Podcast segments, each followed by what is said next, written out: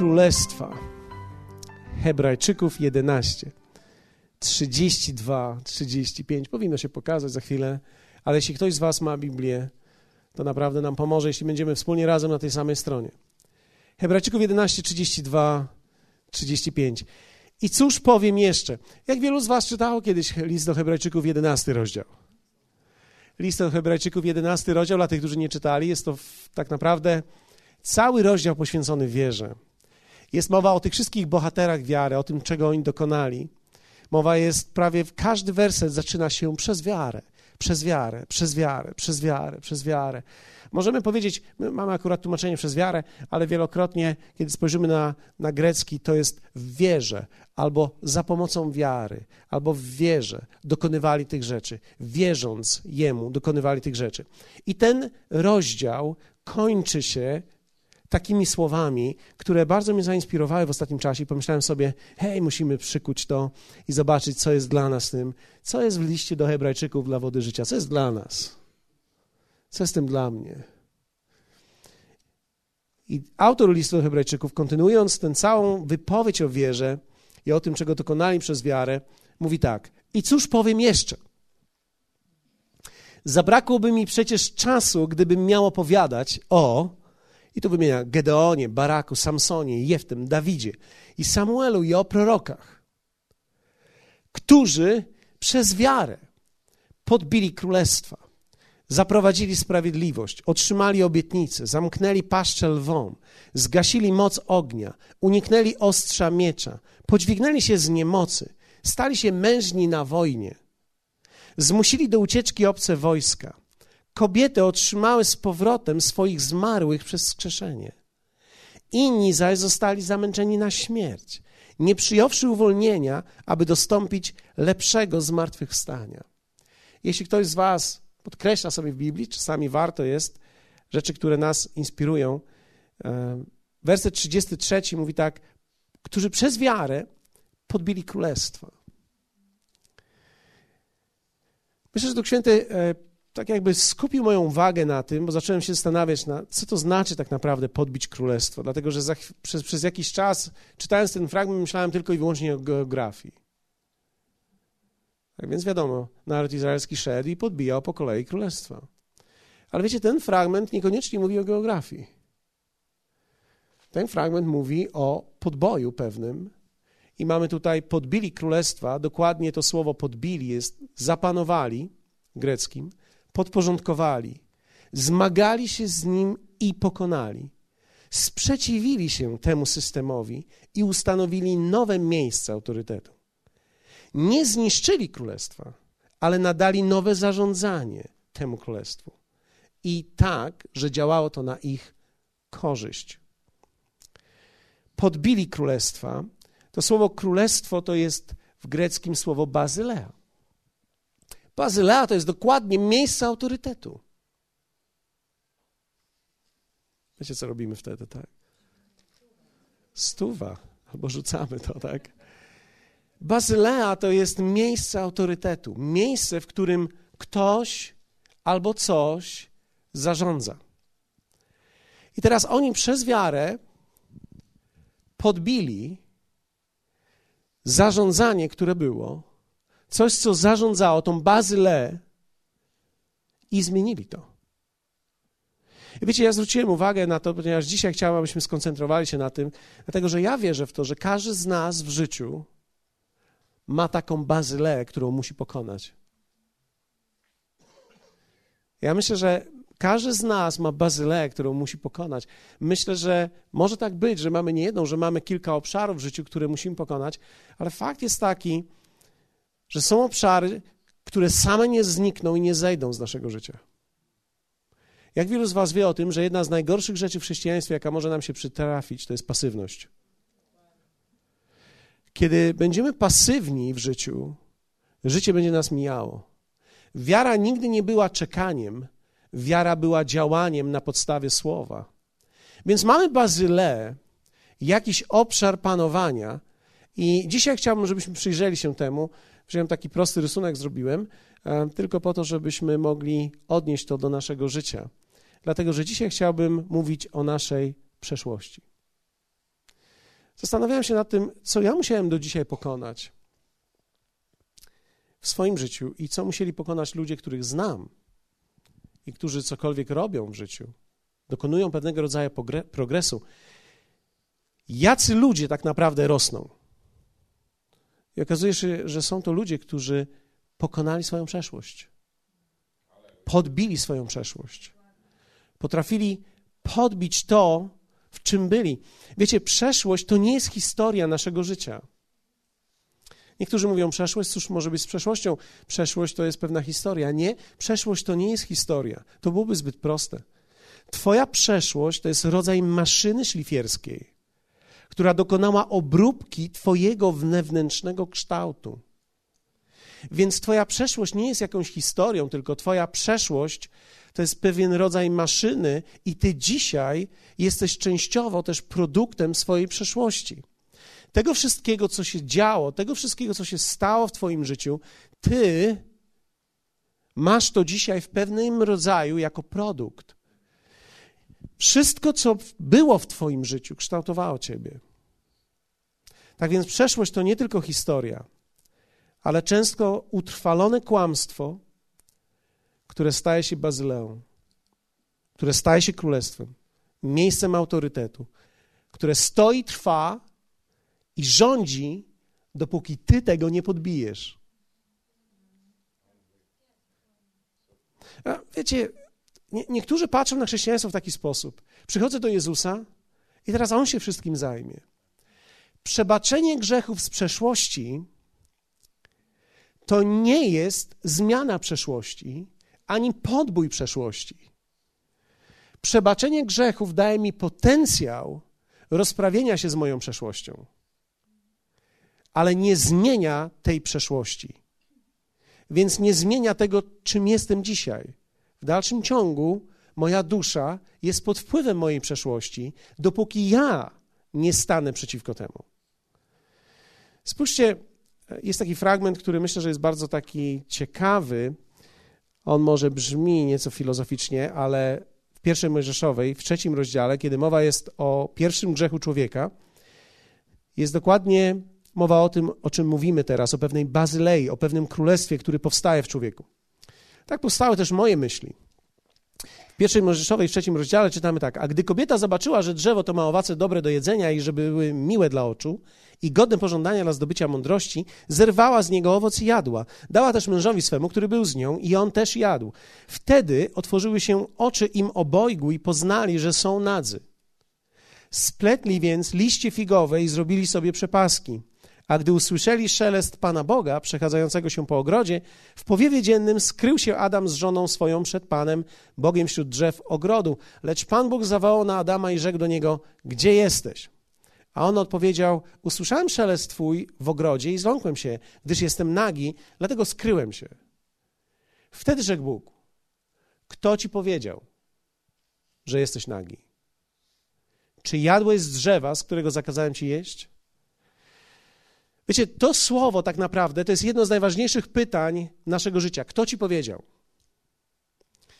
Chciałbym pokazać wam tą scenę, bo, bo niektórzy myślą, że to wyglądało w ten sposób. Zjedli jabłko albo cokolwiek to było, jakiś owoc, banan albo cokolwiek, zakazany w każdym razie. I nagle spojrzeli i mówią, wow, nie ubrałem się. Nie.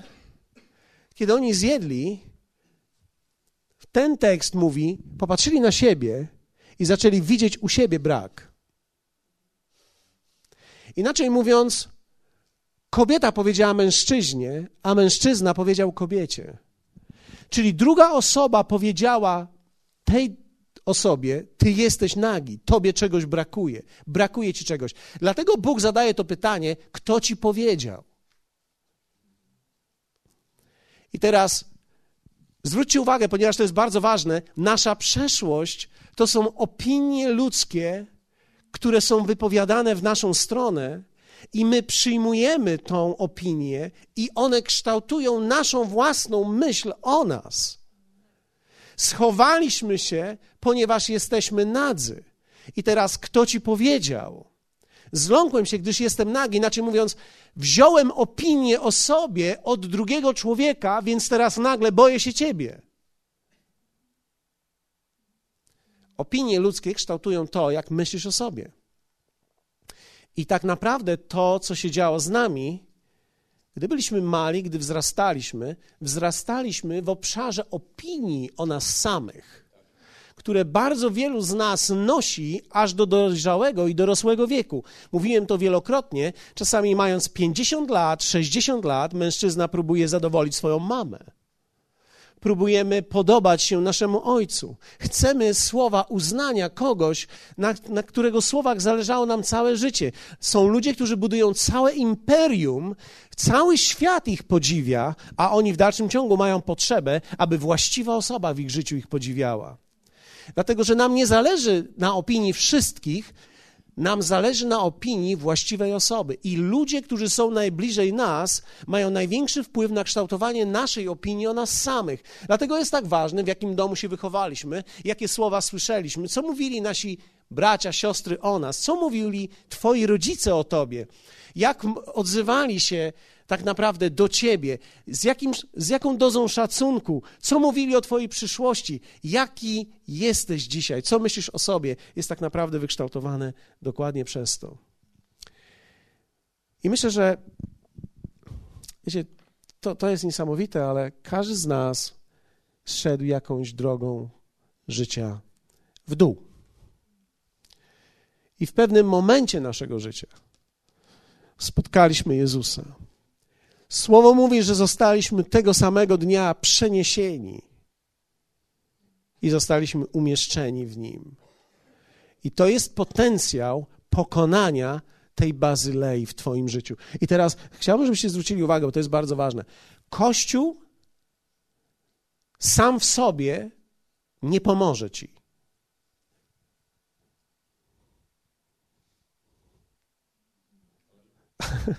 to, to brzmi źle, ale, ale to jest dobra nowina. Wiecie, to jest trochę w ten sposób, jakbym ci powiedział, gdy liczysz na to, że ktoś ci pomoże, gdy ci powiem, on ci nie pomoże, to tak naprawdę ja ci dałem dobrą nowinę, bo ci dałem pewną rzeczywistość, która jest prawdą. Lepiej jest wiedzieć, niż mieć pewnego rodzaju iluzję. Co ja mówię, kiedy mówię Kościół? Mam na myśli ludzie, są pewnego rodzaju potencjałem w Twoim życiu, ale nie musisz wcale wykorzystać tego potencjału. Wiecie, ja widzę tak samo ludzi upadających w kościele, jak poza kościołem. I to jest tragedia, ponieważ ludzie ci nie, wy, nie, nie, wykorzystują potencjału, który Bóg im daje. Ale wierzcie mi, spotkania same w sobie, bez względu na to, jak dużo wiedzy nam dają, jeśli my jej nie zastosujemy, nic nam to nie pomoże.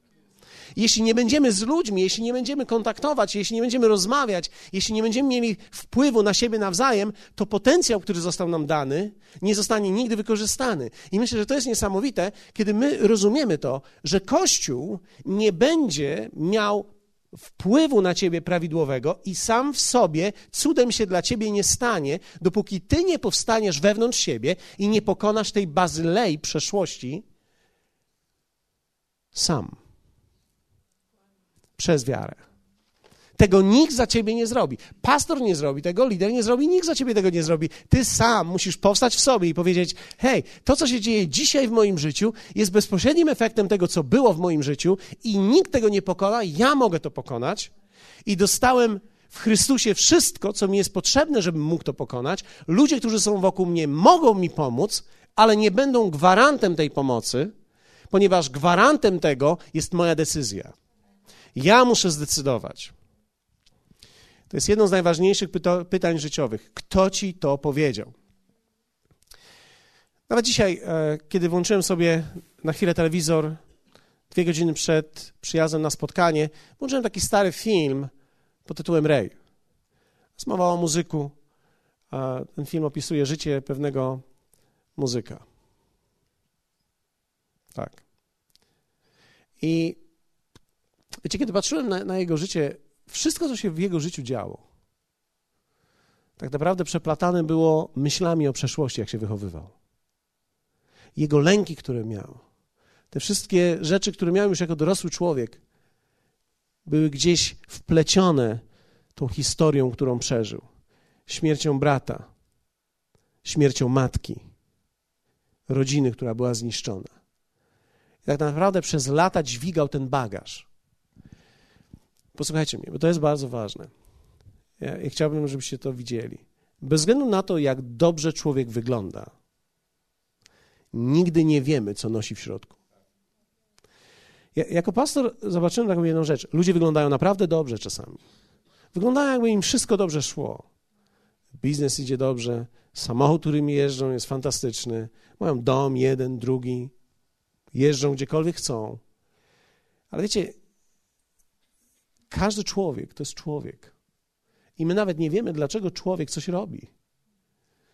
Ci ludzie czasami nie zdają sobie sprawy z tego, że budują czasami rzeczy tylko dlatego, że próbują sobie coś udowodnić i dlatego, że tak naprawdę związanie z przeszłości trzyma ich w czymś.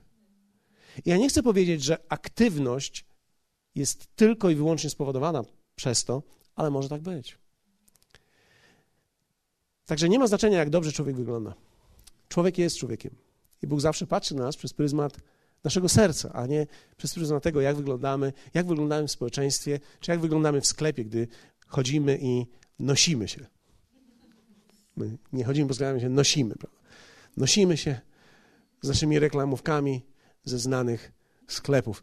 I wtedy ludzie patrzą na nas i myślą, mmm.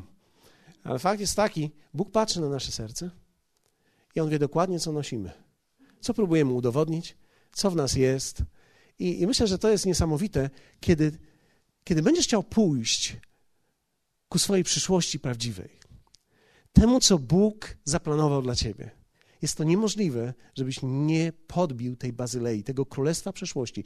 To jest niemożliwe, to jest konieczne. Tego, tego się nie da zrobić. Nie jesteś w stanie chwycić tego, co jest przed tobą, ciągle trzymając to, co jest za tobą. Jakie rzeczy muszę podbić? I jakie rzeczy mogę podbić. Ja sam. Ty sam. I kiedy mówię sam, nie mam na myśli bez Boga, ale mam na myśli sam w kontekście decyzji. Ty podejmujesz tą decyzję. Pierwsze, moje lęki. Wiecie, konstrukcja życia, w której byliśmy, nasze rodziny, nasze domy, mówili nam nasi rodzice, babcie, dziadkowie, ciocie, czego mamy się w życiu bać kształtowali w nas lęk przed niektórymi rzeczami. Mówili: uważaj na to, uważaj na to, tylko nie rób tak. Więc czego boimy się? Jakie lęki możemy mieć? Teraz ja przeczytam kilka. E, nie sądzę, że mamy wszystkie naraz. E, niektórzy mają więcej czegoś, mniej czegoś, ale, ale spójrzcie. Lęk przed brakiem. Lęk przed brakiem, lęk, że nie będę miał. Fakt jest taki, że on się ujawnia dopiero wtedy, gdy coś mamy. On może być w nas, gdy nie mamy, ale my nie wiemy o tym. Ale ujawnia się, gdy zaczynamy mieć. I to zaczyna być, wiecie, w naszych domach widoczne, gdy zaczynamy funkcjonować i zaczyna nam się powodzić. Zaczynamy w jakiś sposób nieprawdopodobnej protekcji tego, co osiągamy. Nie pozwalamy, aby ktokolwiek miał do tego dostęp wtedy tak naprawdę nie jestem produktywny. Jestem w obsesji posiadania. Można aż dojść do miejsca obsesji posiadania. Ona wcale nie musi być widoczna na zewnątrz, ona może być naprawdę gdzieś wewnętrznym przekonaniem i uczuciem. Lęk przed brakiem, lęk przed samotnością. Myślę, że najczęściej kobiety mogą mieć uruchomiony ten lęk o wiele większym stopniu niż mężczyźni, ale to wszystko wpływa później dalej na nasze decyzje życiowe, na motywy tego wszystkiego, co robimy. Dlaczego ten facet akurat? Dlatego, dlaczego z tym się spotykam? Dlaczego z tym jestem? Dlaczego jest taki ohydny? Ohydny, ale bogaty, bo mam lęk przed brakiem, więc, więc jeśli mam lęk przed brakiem, to w tym momencie to prawdopodobnie jest zabezpieczenie mojej przyszłości. A jeśli jest biedny i ohydny, to prawdopodobnie mam lęk przed samotnością, więc, więc dobrze jest, że jest ktoś. Już nie ma znaczenia, czy coś ma i jak wygląda, ważne jest, że jest. Sztuka się liczy. Lęk przed samotnością. wiecie, te lęki nosimy i one są tylko w niektórych momentach uruchamiane. My po prostu je nosimy, my nie wiemy o tym, nie, nie jesteśmy świadomi ich. Nie jesteśmy świadomi ich, dopóki nie poszukamy ich. I dopóki nie będziemy rozważali naszego życia. Dlatego, że kiedy człowiek rozważa i zadaje sobie pytanie, dlaczego ja coś robię, zaczyna odkrywać siebie. Jedna z największych rzeczy, która sprawia, że człowiek się rozwija, to jest kiedy zaczyna zadawać sobie pytania. Lęk przed porażką. Lęk przed porażką. Uczono nas, że porażka jest czymś złym. A przecież fakt jest taki, porażka jest naszym sprzymierzeńcem. Ale nas uczono, że, że kiedy coś źle zrobisz, to jest źle. A wiecie, kiedy coś źle robimy, to jest dobrze. Bo to oznacza po pierwsze, że cokolwiek robimy, po drugie, nie robimy tragedii z tego, że coś robimy, bo większość rzeczy w życiu można zrobić więcej niż raz. Okej, okay. wiem, że są rzeczy, których zrobić więcej, błędów lepiej nie, nie, nie, nie można, ale fakt jest taki, że większość rzeczy w życiu robimy więcej niż raz. Lęk przed śmiercią. Więc ciągle pytamy, jak Twoje zdrowie? Właśnie wczoraj pytałeś, jak moje zdrowie. Jak się czujesz? Dobrze.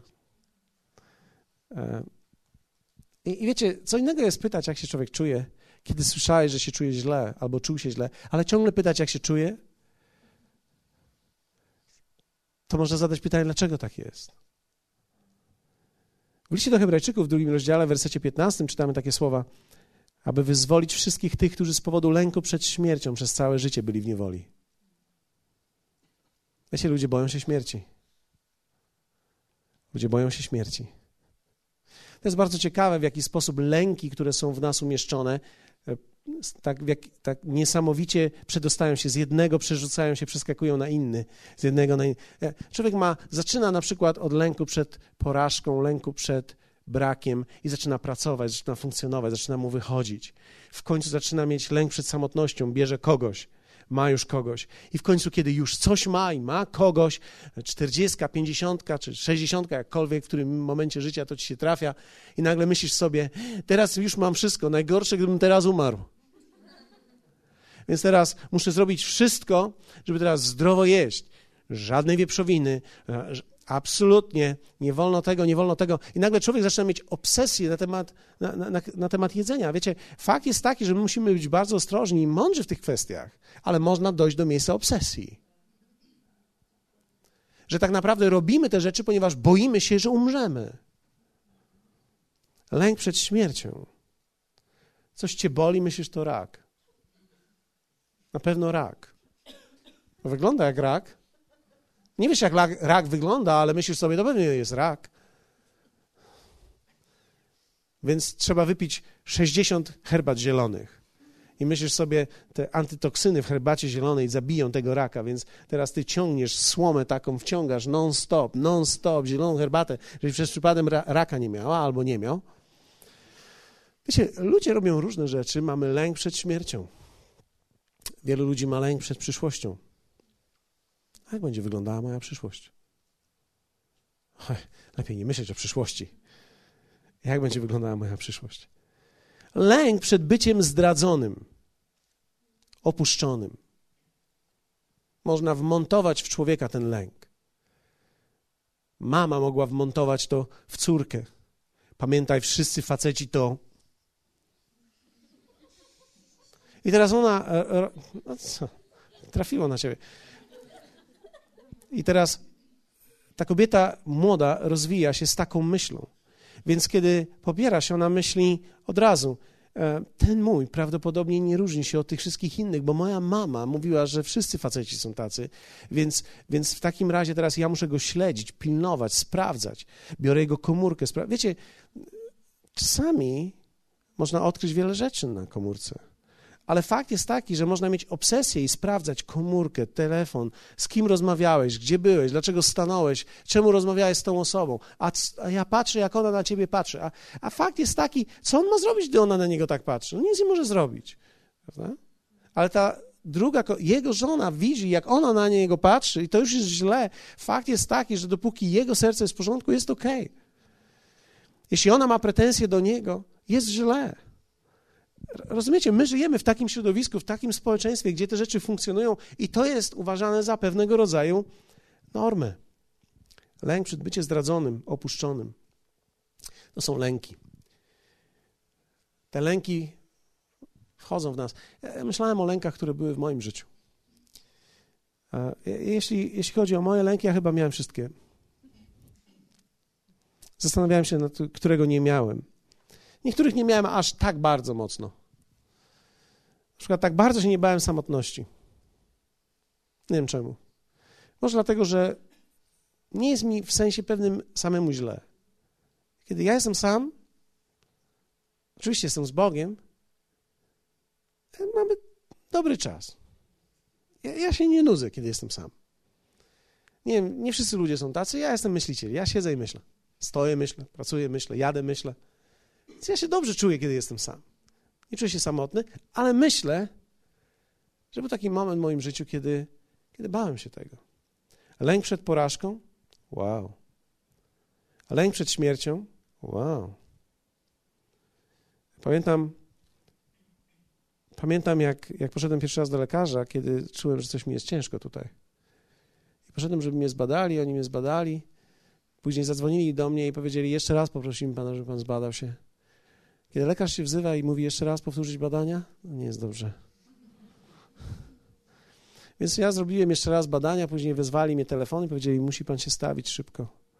Więc stawiłem się szybko, wziąłem te badania, poszedłem do, do pani, która zajmuje się kardiologią. Ona spojrzała na mnie i mówi, pan chodzi z osierdziowym zawałem serca. A ja mówię, przepraszam, z czym? Ja wiedziałem, że z czymś chodzę, ponieważ miałem na sobie ze dwadzieścia parę kilo więcej, więc to jest druga osoba. To jest druga osoba, więc wiedziałem, że z kimś chodzę, ale nie wiedziałem, że się nazywa tak. I teraz, i teraz e, ja chodziłem z tym i ona powiedziała do mnie, ale teraz nie ma miejsca w szpitalu, więc tak naprawdę musi pan przeleżeć w domu, prawdopodobnie pan przeżyje, ja nie wiem. Więc mamy taką dyskusję, ja myślę sobie, wiecie, to jest niemiłosierne, kiedy słyszysz, może pan przeżyje, może nie, powinien pan leżeć, powinien panu zaaplikować już coś, ale do jutra. Więc teraz ja pamiętam, położyłem się w domu, kiedy ty wiesz, że masz osierdziowy zawał serca, to, to myślisz sobie, to to już jest to, to już jest ten, ten moment? Czy ktoś z was słyszał swoje serce, jak bije? Niektórzy tylko wtedy, gdy się wystraszą. No więc ja miałem tak przez całą noc. To była jedna z nocy, których nie przespałem. Leżałem sobie wtedy i myślałem o tym, czy to jest już ten moment, czy to jest koniec, czy to jest koniec ze mną. Co się stało? Samoloty lądują? Okej, okay. dobrze. Więc myślałem, czy to jest koniec. I, I fakt jest taki, poszedłem do lekarza i oczywiście oni zbadali, badali, przerobili wszystko we mnie, zrobili wszystko, co tylko jest możliwe. I w końcu ta lekarz powiedziała tak, ja pana tak długo trzymałam, ponieważ ja chciałem sprawdzić, po prostu taki pan już jest. Pan już po prostu taki jest. Że pańskie wszystkie wyniki, jeśli chodzi o serce, są w drugą stronę. I pan prawdopodobnie się z tym urodził. Ja mówię, tak, ja nie wiedziałem o tym, nigdy nie robiłem tego. I w końcu okazało się, że po prostu te wszystkie wyniki u mnie są są zupełnie inne. I ona powiedziała, wie pan co, jakby pan kiedyś coś się stało i ktoś by panu robił kardiogram, to niech pan ma zawsze to w pamięci, że pańskie wyniki w ogóle są inne, więc niech pan od razu ich uprzedzi. Żeby pana czasem nie rozcinali i nie mówili, że coś panu jest, bo prawdopodobnie panu nic nie jest. No ale tak wchodzi lęk przed śmiercią. Później pamiętam, zaczynałem biegać i kiedy zacząłem biegać, przebiegłem 50 metrów, pomyślałem sobie, to na pewno jest już koniec. Czułem, że nie ma powietrza, czułem, że nie mam sił, czułem, że wszystko w mojej, mojej głowie miałem zakręt. Wiecie, 50 metrów biegu i myślałem, że po chłopie. Nie ma. Później czułem, jak wielokrotnie ten lęk próbował przyjść do mnie. Dlatego, że on został wszczepiony przez słowa. Kto ci powiedział? No kto ci powiedział? Kto ci powiedział? Ktoś mówi nam o tych rzeczach w życiu. Kiedy myślę o lęku przed przyszłością, a nie opowiem wam tej historii, nie. Lęk przed byciem zdradzonym, opuszczonym, tej historii też wam nie opowiem. Albo opowiem wam, bo to będzie nieco pikantne, to chyba wszyscy lubią słuchać. wszyscy czekają, jak to, co to tym jest. No, niech będzie. Pewnego dnia sprawdzam po oczach, czy jest temperatura ok z moją żoną. Pewnego dnia e, sprawdzam, e, sprawdzam coś w komputerze i pytam moją żonę, e, ponieważ ja nie miałem założonego konta i mówię tak, wiecie co, ja wejdę na naszą klasę, ja zobaczę, co jest na naszej klasie. I wszedłem na naszą klasę e, i tak, wiecie, ja nie jestem bardzo dobry w komputerach, jak coś potrzebuję, to mi wszystko robią, ale klikam gdziekolwiek mogę kliknąć. Więc sobie tak, klikam tu, klikam tu i wkliknąłem w pocztę. Klikam w pocztę, patrzę poczta, patrzę ciekawe. Patrzę, różna, różna lista różnych ludzi i tak klikam sobie i tak patrzę. Nie, nie pamiętam imię, nazwiska, ale pomyślałem sobie, gościa nie znam. Klikam sobie, rozwija mi się i rozwija mi się taki tekst. Bardzo ładnie wygląda pani na tym zdjęciu. Ja tak sprawdzam, klikam z powrotem, sprawdzam, czy ja do mojej żony takie rzeczy piszę, czy to może jakoś to korespondencja przyszła tutaj z tej strony i patrzę, no, okej. Okay. Sprawdzam imię, nazwisko, patrzę dalej, wyżej, no znowu jest korespondencja, klikam dalej. Czy miałaby pani ochotę spotkać się ze mną?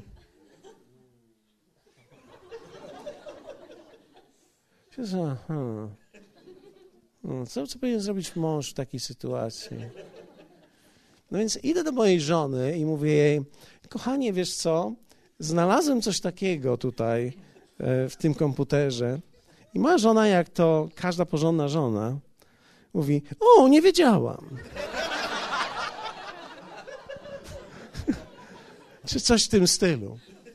Wtedy wezwałem moją ochronę, Matthew, Mówię, Matt, ty się znasz na komputerach, sprawdźmy to tutaj. Matt mówi, to to, zaraz wyczaimy tego gościa.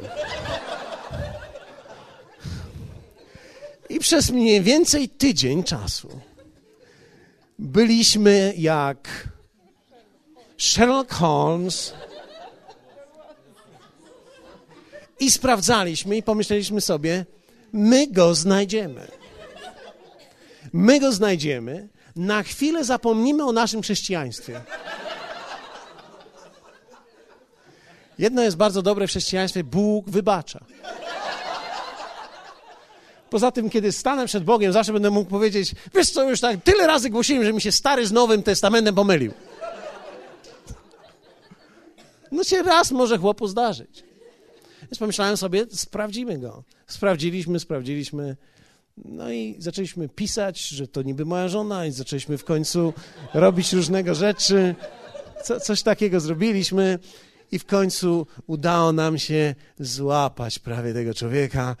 I w końcu pomyśleliśmy sobie, no teraz to już została tylko jedna rzecz, otwarta wojna, albo powiemy mu o co chodzi, ale widać było, że facet się wycofał. Więc Prawdopodobnie szukał, e, później znaleźliśmy, że on tak naprawdę ma, ma zna sposoby, więc on nam znalazł, jak on to znajduje i tak dalej. Okazało się, że on próbował na wiele różnych sposobów, na wiele różnych sposobów zadziałać. więc e, wiecie, ja sobie tak pomyślałem, lęk przed byciem zdradzonym, wtedy doszło do mnie do głowy to, że to jest możliwe. Znaczy, ja nie chciałem myśleć, że to moja żona, wiecie, intencjonalnie robi, ale to nagle pomyślałem, że hej, w świecie są tacy ludzie, którzy w takich kategoriach myślą i ja muszę mieć oczy otwarte i wszystko pootwierane, co jest możliwe.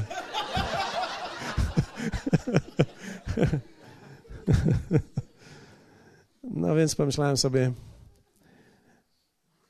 że to są ciekawe historie. Ja myślę, że, że jest prawidłowy rodzaj zazdrości. Myślę, że Bóg jest zazdrosny. Myślę, że w prawidłowy sposób Bóg jest zazdrosny o swoje dzieci. I myślę, że istnieje prawidłowy sposób, kiedy mąż jest zazdrosny o swoją żonę, i prawidłowy sposób, kiedy żona jest zazdrosna swojego męża. Ale myślę, że jeśli to wykracza poza pewne normy, w pewnego rodzaju obsesję, może nawet doprowadzić do zniszczenia związku. I to jest straszne. Więc mężu, jeśli myślisz, że twoja żona jest po prostu ci wierna, to dobrze, ale pamiętaj, że jest kilku starych, łysych sępów,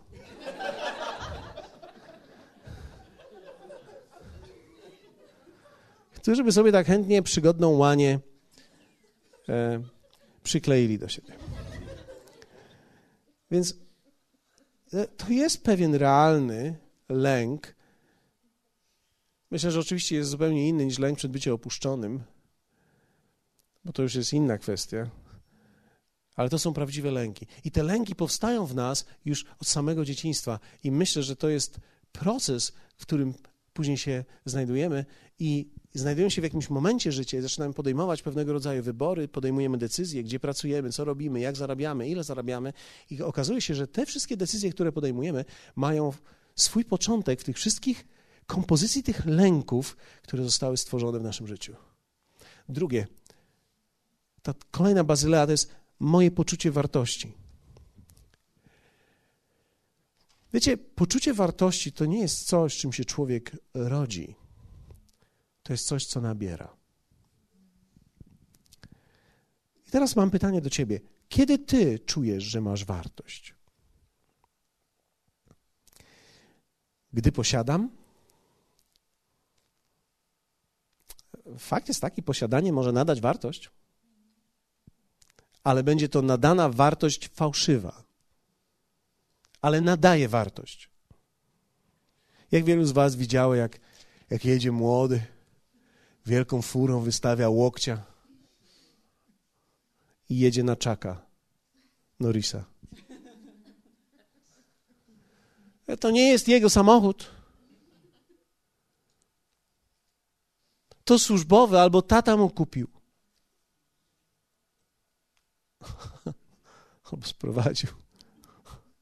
Jak to się nazywa?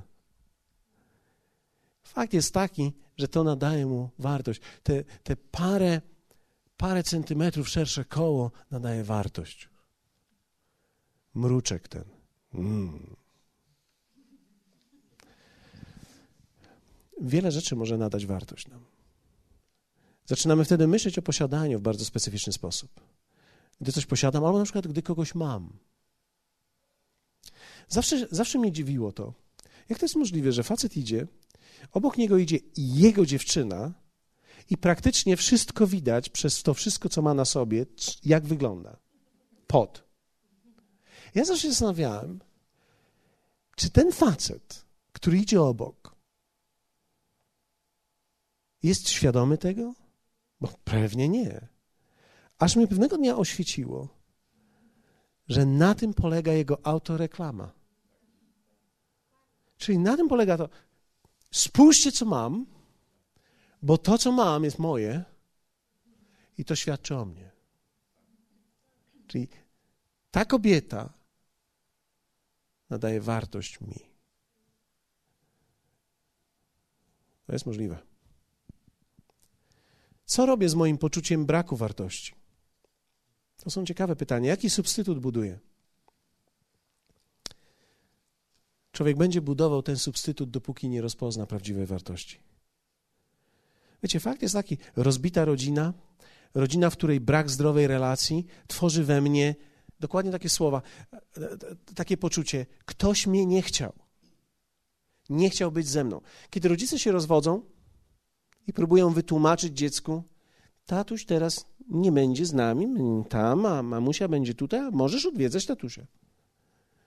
I to wszystko w porządku dla nas działa, to można jakoś technicznie pozałatwiać, ale dziecko nie myśli tak. Dziecko myśli tak. On nie chciał ze mną być. Dlatego, że dziecko nie rozumie połączenia pomiędzy ojcem i matką, ono rozumie połączenie pomiędzy ojcem i sobą. Więc kiedy ojciec opuszcza matkę, ono nie rozumie, że opuściło matkę, a nie chce opuścić jej, ale Technicznie jest niemożliwe pozostać z tym dzieckiem. Nie, rozumiecie, o czym mówię? W związku z tym to dziecko odbiera to, on mnie nie chce. On mnie nie chce. On nie chciał być ze mną. Poczucie wartości jest zachwiane. Najczęściej widzimy, że tego typu osoby idą w jakąś karierę bardzo silnie. Bardzo silnie. Ludzie o wyjątkowej, nawet bym powiedział chorej ambicji, która bardzo często widoczniona jest poprzez pogoń karierową. Wynika z tego, że ktoś kiedyś je odrzucił i poczucie wartości zostało zachwiane, i teraz ja muszę odbić to. I trzecie, bazylea, którą musimy podbić, to jest moja osobowość. Jeśli zadacie mi pytanie, co z moim poczuciem wartości, muszę Wam powiedzieć, że ja walczyłem ze wszystkim, co tutaj powiedziałem. Ja myślę, że na początku nie miałem tej świadomości. Na początku w ogóle nie miałem świadomości, że walczę z jakimś brakiem poczucia wartości, ale fakt jest taki, że kiedy nawet zacząłem być pastorem i kiedy wszedłem w to, wiecie, kiedy ludzie odchodzili z kościoła, ja nie myślałem o tych ludziach. Ja myślałem, co będzie ze mną teraz. Dzisiaj jest mi wszystko jedno. Dzisiaj mówię, chcesz, ktoś chce odejść? Nie ma dla mnie problemu, pakuję i, i robię kanapki na drogę. Ale nie ma problemu, dlatego że już dzisiaj jestem zdrowy w, tym kwestii, w tej kwestii. Nie zależy mi na tym, co to będzie ze mną teraz. Myślę o tym, co będzie z tymi ludźmi.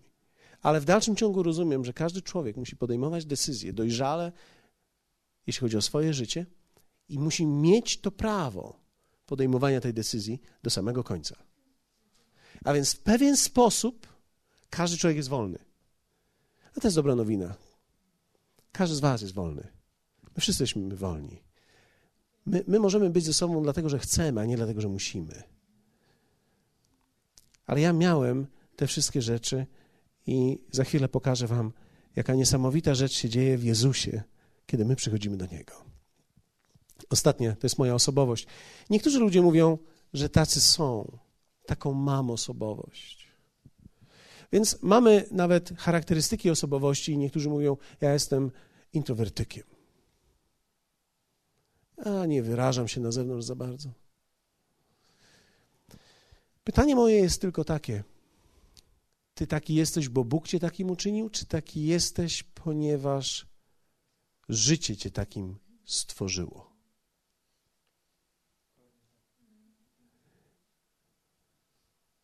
Każdy człowiek ma pewne cechy charakteru i ma pewne tendencje, ale w dalszym ciągu okoliczności życia i to, co się w nas z nami działo, tak naprawdę nas tworzyło. Więc to, jaki dzisiaj jesteś, najczęściej w tym miejscu, kiedy my spotykamy Jezusa, najczęściej to nie jesteśmy my, ale produkt.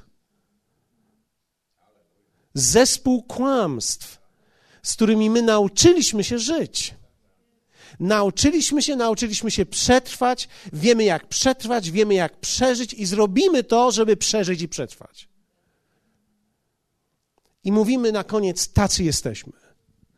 Pamiętam, jak któregoś dnia pewna kobieta przyszła do mnie od nas z kościoła i powiedziała mi: No, ja po prostu taka zołza jestem. A ja wtedy tak spojrzałem na nią i powiedziałem: Nie, ty nigdy nie byłaś zołzą. Bóg nie, Bóg nie uczynił ciebie zołzą, ty się zołzą stałaś. I najgorsze nie jest to, że się nią stałaś, ale w to, że w to uwierzyłaś, że taka jesteś. I że poprzez swoją decyzję zamknęłaś się przed rozwojem, ponieważ tak naprawdę może się okazać, że jesteś szlachetną, wspaniałą, wrażliwą, delikatną kobietą, która ma otwarte serce i chce pomóc każdemu, i tak naprawdę to może być prawdziwa ty. Ale ty mówisz, że jestem zołzą. I to jest koniec. Ja nie mogę pokonać tej bazylei, ja nie mogę jej podbić, człowiek to musi podbić. Taki jestem. W do Kolosan w trzecim rozdziale czytamy i tu się zaczyna najlepsze. Posłuchajcie tego, zapnijcie pasy, to jest dobre. Będzie chwila turbulencji i idziemy do domu. A tak, jeśliście wzbudzeni z Chrystusem, tego co w górze szukajcie. Gdzie siedzi Chrystus po prawicy Bożej. Czyli w momencie, kiedy się nawróciliście, zacznijcie szukać tego, co w górze. O tym, co w górze myślcie, nie o tym, co na ziemi. I teraz, wiecie, kiedy mowa jest o tym, co w górze, myślcie nie o tym, co na ziemi, wcale nie dotyczy tutaj zapomnijcie o ziemi, zapomnijcie o pracy, zapomnijcie o rodzinie, nie dajcie im nic jeść, myślcie tylko o tym, co jest w górze i o tym, co będzie i jakie miejsce w niebie będziecie mieli. To Biblia nie mówi. Biblia nam mówi zupełnie o innym obszarze. Myślcie o tym, kim jesteście w górze.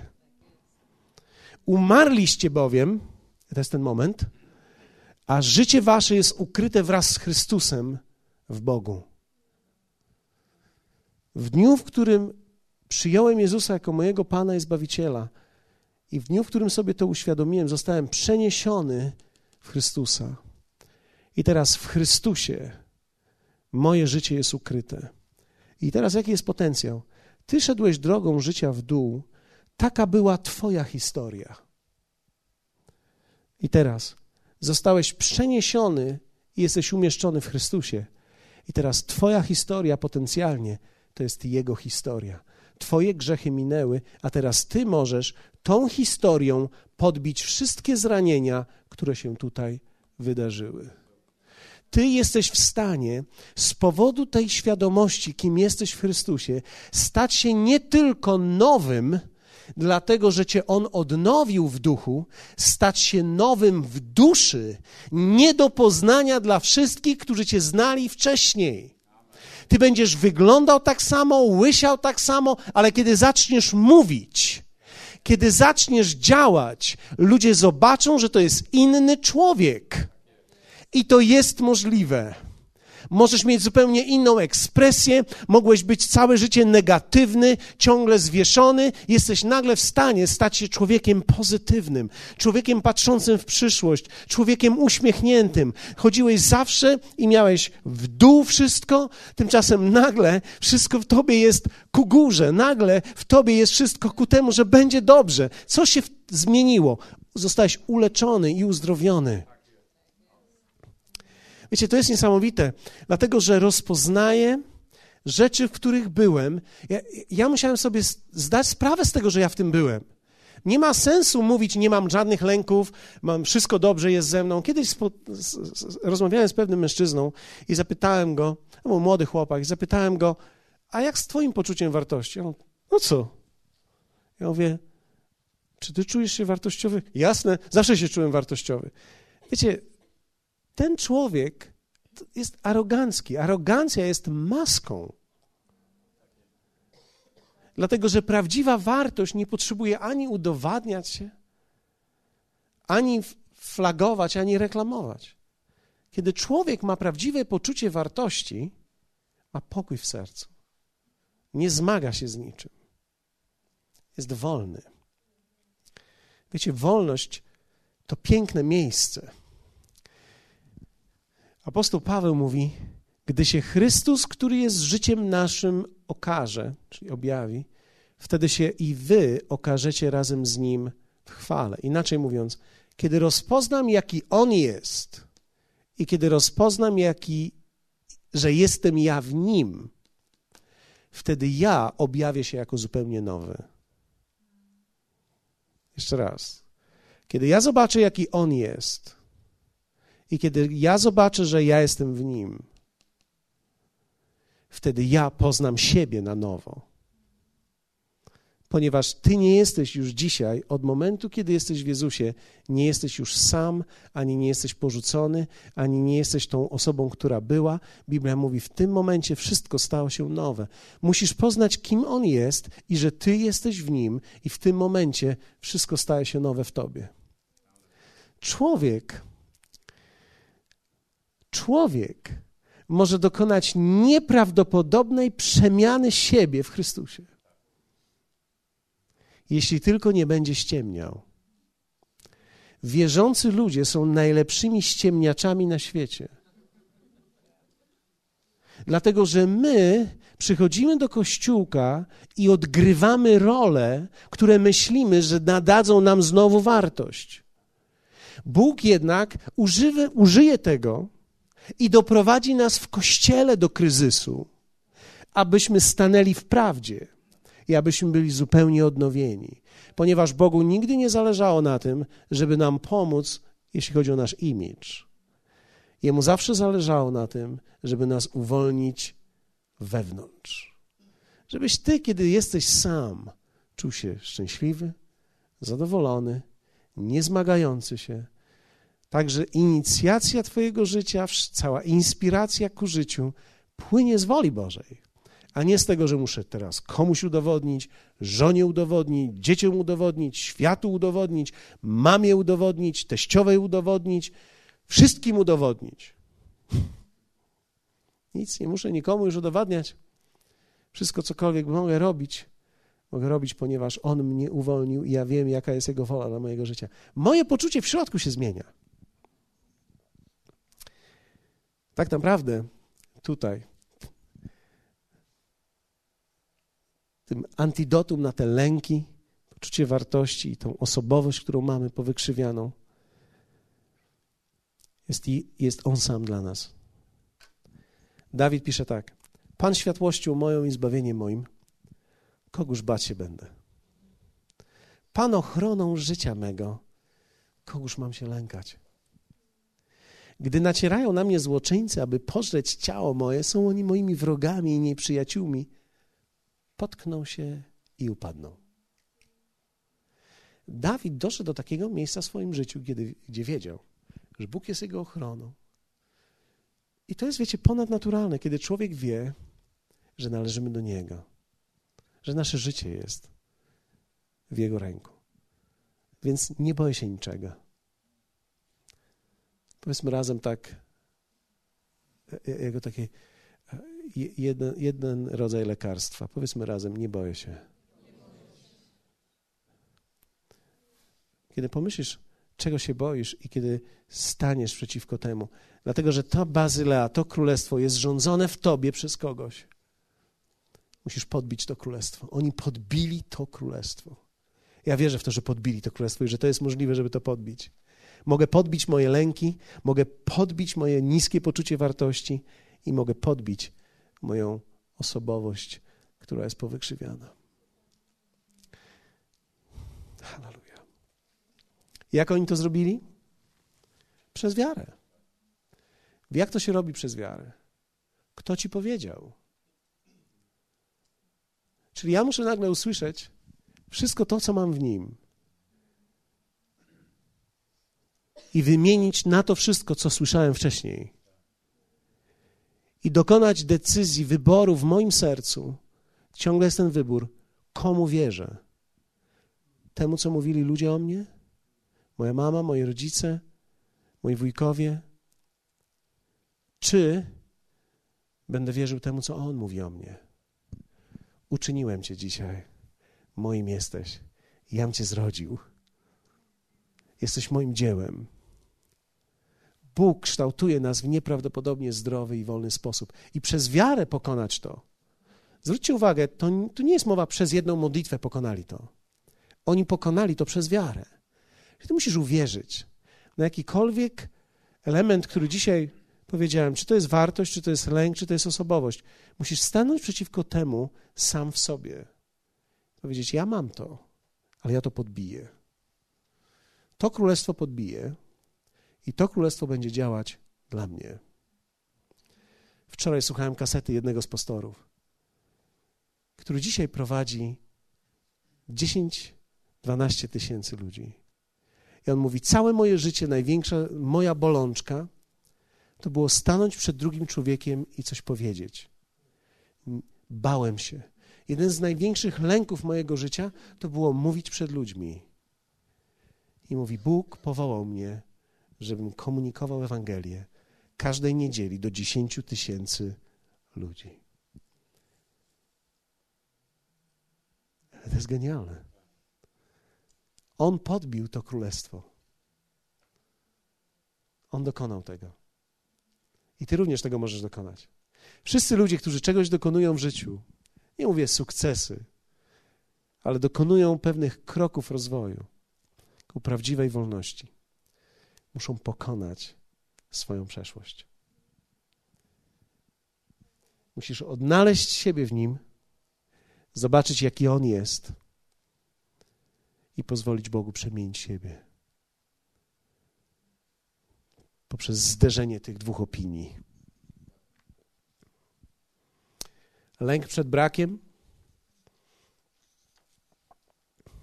Bóg mówi co innego.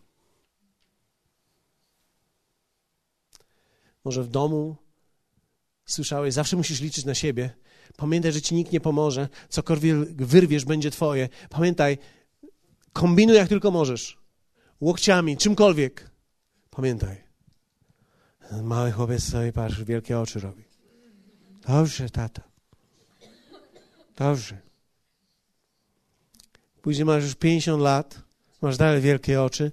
W środku ci te oczy zostały. Dobrze. Tymczasem spotykamy Boga i On mówi: Ja zatroszczę się o ciebie. Ja ci pomogę. Będę twoim pomocnikiem. Będę ciebie wspierał. Pomnożę cokolwiek. Jeszcze mało tego. Nie tylko nie musisz się bać, że stracisz, możesz jeszcze udowodnić sam sobie poprzez to, że będziesz trzymał wszystko, co masz w otwartej dłoni. To jest genialne.